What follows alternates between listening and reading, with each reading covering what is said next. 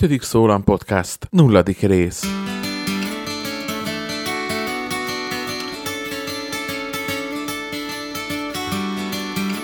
Szervusztok, kedves hallgatók! Sok szeretettel köszöntelek titeket az 5. Szólam Podcast nulladik részében. Én Bognár László vagyok, a podcast készítője. Hogyha mostantól velem tartotok, akkor két hétről két hétre, mert hogy terveim szerint két hetente fog megjelenni új részekkel ez a podcast, szóval két hétről két hétre felfedezhetjük együtt a magyar amatőr kórusok világát, betekintést nyerhetünk abba, hogyan működnek, hogyan készül egy amatőr kórus egy fellépésére, milyen különleges projekteket valósítanak meg, és hogy hogyan lehetnek hatékonyabbak a magyar kórusok Magyarországon. A nulladik rész most a bemutatkozásé. Nos, azt kell mondjam, hogy a kórus éneklés szó szerint megváltoztatta az életemet. Olyan 15 évvel ezelőtt, amikor először kapcsolódhattam be egy énekkar munkájába, ez még a középiskolás évek alatt volt, nem gondoltam volna, hogy ennyire nagy hatással lesz rám a kórus mozgalom, a kórus éneklés, és mindaz, ami ehhez hozzátartozik, ugye a próbáktól, a nagy utazásokon, a koncertfellépéseken keresztül, a nagy kudarcokig persze. Azt gondoltam, hogy miért ne lehetne erről egy picit többet beszélni?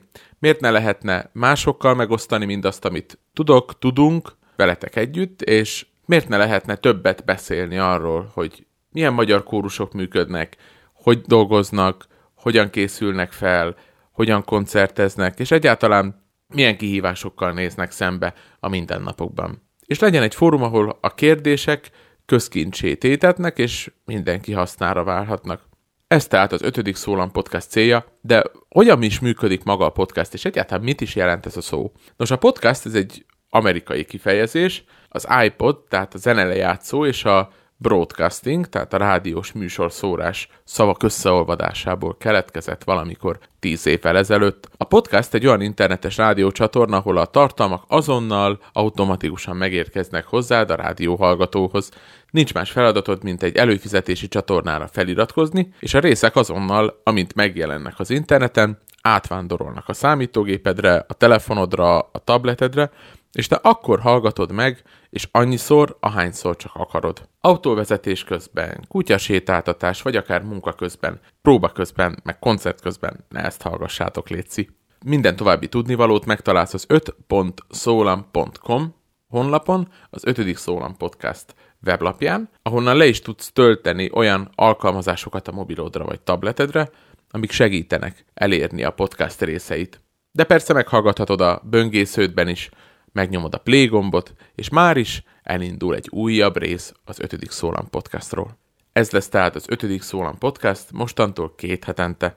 A következő hivatalosan az első adásban a budapesti Szinkópa vegyeskari találkozót látogatjuk meg, beszélgetünk karnagyokkal, kórustagokkal és a találkozó szervezőivel is arról, hogy mire jó egy ilyen vegyeskari találkozó, mit lehet hazavinni belőle, és kicsit belehallgatunk majd a találkozó zárókoncertjébe és más különleges programjaiba is.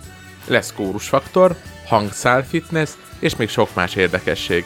Tartsatok velem az 5. Szólam Podcast első adásában is, keressétek a honlapunkat 5.szólam.com vagy a Facebook oldalunkat, facebook.com per 5.szólam címen, iratkozzatok fel a podcastra, és találkozzunk két hét múlva. Addig is, sziasztok!